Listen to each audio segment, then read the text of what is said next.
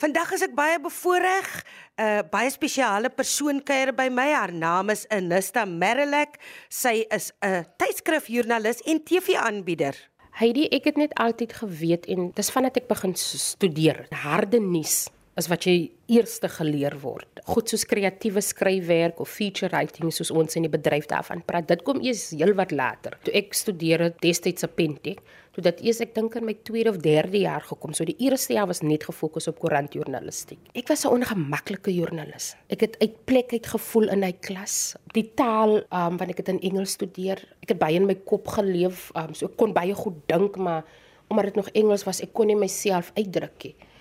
En dan het hierdie medestudente, jy kon sien man, hier is harde harde nuuskoppe wat hier sit. En hulle kon hulle opinies met soveel oortuiging deurgee en hulle argumente en ek kon dit nie doen nie. Ek het toe al geweet harde nuus is nie vir my nie, maar ek het ook geweet ek moet daai ervaring kry omdat dit die basis gaan wees vir enigiets wat ek daarna gaan doen. Wat vir my aangrypend is om jou op TV te sien en ook om te weet hoe jy jou ding doen as keierjoernalis. Jy bring daai emosies kan jy sien in jou werk. Kan jy buite 'n storie staan? Ek weet dit word verwag van ons joernaliste, maar ek weet dis 'n baie moeilike ding en ook veral as jy 'n maas. Ja, ek kan, maar dit hang af watter tipe storie ek vertel. Ek het 'n storie om te vertel, ek moet die feite gaan haal. Hoe emosioneel ek ook al mag voel, daai werk moet gedoen word.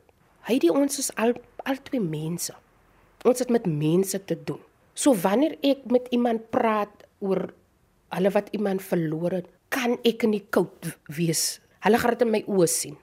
Weet jy nie wanneer ek instap in 'n huis waar, waar iemand wat dood is, waar 'n persoon gelewe het, daar's 'n energie wat daar hang. Jy kom in 'n heilige ruimte in waar mense jou inlaat en jy kan nie daar gaan sit en jouself nie as mens oopmaak nie. So ek maak myself as mens oop, maar ek kry ook die werk gedoen, dit waarvoor ek daar is. Uh maar ek glo ek is eers 'n mens voordat ek 'n joernalis is. Vertel vir ons luisteraars, hoekom jy tydens vervulling van hierdie moeilike tonele, misdaadtonele, net een paar skoene dra. Hy die daai paar skoene en ek kies dit uit. Dit moet gemaklik wees. Ek weet daai skoene gaan 'n pad stap wat ek graag weer op wil stap.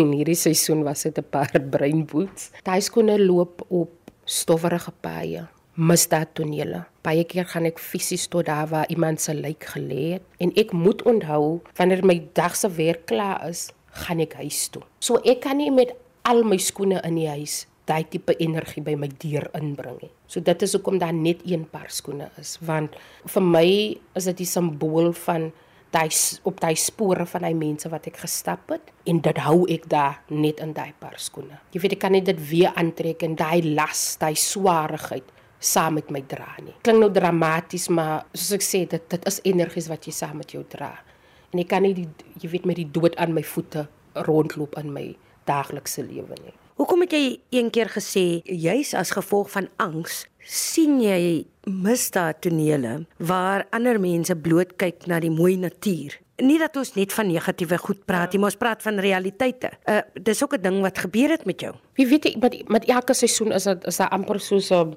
nuwe onthulling of jy weet in Engels noem mense dit epiphany. En hierdie seisoen was dit konstant groenigheid. Jy weet hier in die Kaap as ons vir alles jy meer op die Kaapse vlakte se kant ry. Ek kon nou as kind, ek het op Bonnieville groot geword. So dis plaaswêreld, dis stof, rooi stof, vaal stof en ek praat nou hier van plaaswêreld. Ek praat van hy stof waar nie dierpaaie is. Dis wat dis waarmee ek groot geword het. En as kind ons stad toe gekom het, ek altyd my opgekyk aan die jy weet die die sandduine, parkies, um goed wat ons op die plaas gehad het. Die. Maar nou, wanneer ek 'n parkie sien, sien ek 'n potensiële plek waar 'n kind ontvoer kan word. Wanneer ek sandduine sien, kom, jy weet, kom by my op waar lyke gestort word, gedamp word konstant.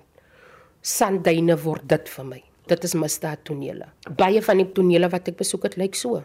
Hierdie um natuurskoon groen mooi mooi tonele waar die lelikste goed gebeur. Kom ons gaan gou terug Bonnievale toe man. Vertel my hoe jy groot word daar. Wil jy altyd 'n joernalis word?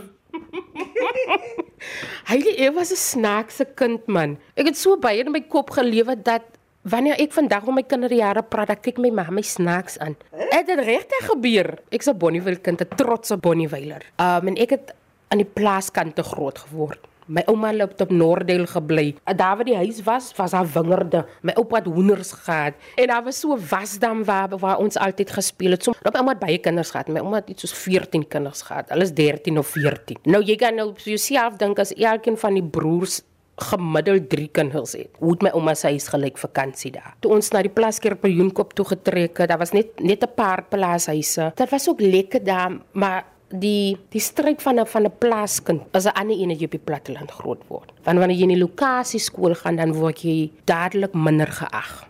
Dan word jy plaaspop. Jy is nie meer plaaskind, jy is nou 'n plaaspop in 'n afbreekende term. En ek was as ek ek gaan reg sê ek het ek is was vir lank ongemaklik mee, maar ek was 'n baie slim kind.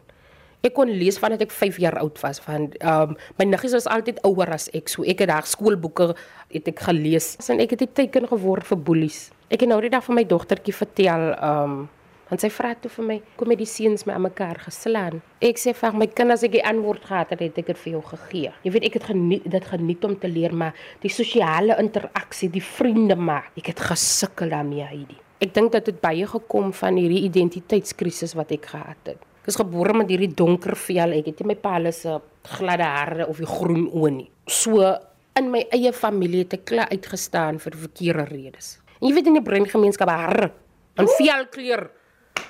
Ja. Dis alles. Like as jy lag van kleure en gladde hare en dan nog mooi oor top of the social chain. En hier kom ek, o, moenie vergeet ek was dik van kleins af. Daar was nog nooit maar. Dit was hierdie konstante wanbalans. Mal oor akademie, mal oor lees, mal oor skool, maar op sosiale vlak en het ek so baie gesukkel. Ek het nie maklik maatjies gemaak nie. Ek het gedroom van 'n prokureur word want ek het reasonable doubt gekyk. Dit was vir my soos magic man, hierdie hofdrama in goed. Maar toe kom my Afrikaanse juffrou en sy vra vir my eendag maar um het ek al oorweeg om 'n joernalis om journalistiek te studeer. En, en nou hy dine ons gemeenskappe daar is nie geld vir swat nie. So ek het al hierdie drome in my kop, maar daar is nie geld nie toe toe ek 14 was, was my eerste werk, toe ek op die plaas gaan werk. Ek het gaan pruime pluk. Daar was my eerste werk. Ek het by die plaaslike supermark gaan sakkies pak. Ek het in die beetfabriek gaan werk. Alles om sakgeeltjies bymekaar te maak toe ek nou eventually by die universiteit inkom man. Ek het geweet elke dag moet nie ander klere aantrek. Dis nie skooluniform nie. My ma het geld vir klere nie, so ek gaan nog gaan werk. Maar die Afrikaanse juffrou O ja, en my obsessie met Bruiten Paulse. Heidi, er was 'n tiener obsessie of nout.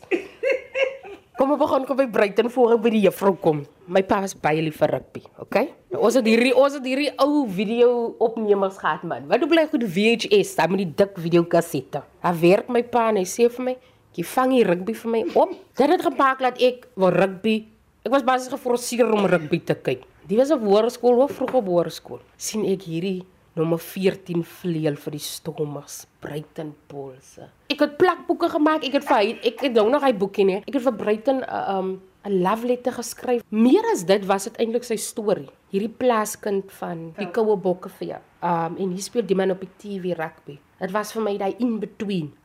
Hoe gaan jy van 'n kaalvoet plaaskind na rugby op die TV? Wat het daar tussenin gebeur? En dis wat my aangegryp het. En ek sê toe maar ja, ek kan nogal skryf my juffrou so gesê, so 'n joernalis word, dan gaan ek by uitkom.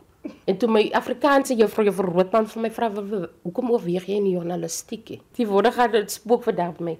Juffrou, ek is een van daai mense wat aan mense se deure kan klop en iets in met hulle gebeur en dan vra ek, "Hoe voel jy nou nie?" En dis presies wat ek doen vandag. Ja. Woorde dra krag, maar ook sê jy daai saadjie geplant. As jy van plaaswêreld af klom klein plekkies en jy kan studeer, ah, is die tweede kans nie. Jy moet hierdie ding maak werk. Maar fast forward ek het daai ding gemaak werk en in 2012 ontmoet ek vir Bruiten.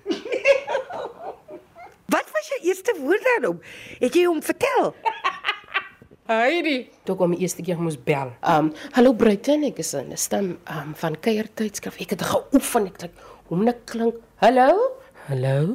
Ek was so senuweeagtig, maar ek het my pose gehou en toe is dit die dag van die shoot. Heidi, ek het so gebewe in die binnekant. Ek was so senuweeagtig. Ek het my werk gedoen soos ek sê, ek kan nie twee skei. Ek, ek weet waar volke is en ek was baie professioneel se werk gedoen En toe aan die einde toe ruk ek hierdie boekie uit wat ek op hoërskool gemaak het. Ek sê vir hom, ek gaan hierdie ding vir jou net een keer wys. En hy was so cool daaroor. Hy het so gelag. Dit was op die sterkste ding. Dit was nie eers dat dit oor hom noodwendig was nie, maar dit was omdat ek as plaaskind myself in sy skoene kon sien mm. en hy het sukses behaal en dis wat vir my geïnspireer het. Maar ja, toe die, die tyd wat ek hom ontmoet het, was dit te laat vir hom. Ek het klaar Um daai was ek verloof, ek het klaar gehad, so sy sy sy tyd was verby.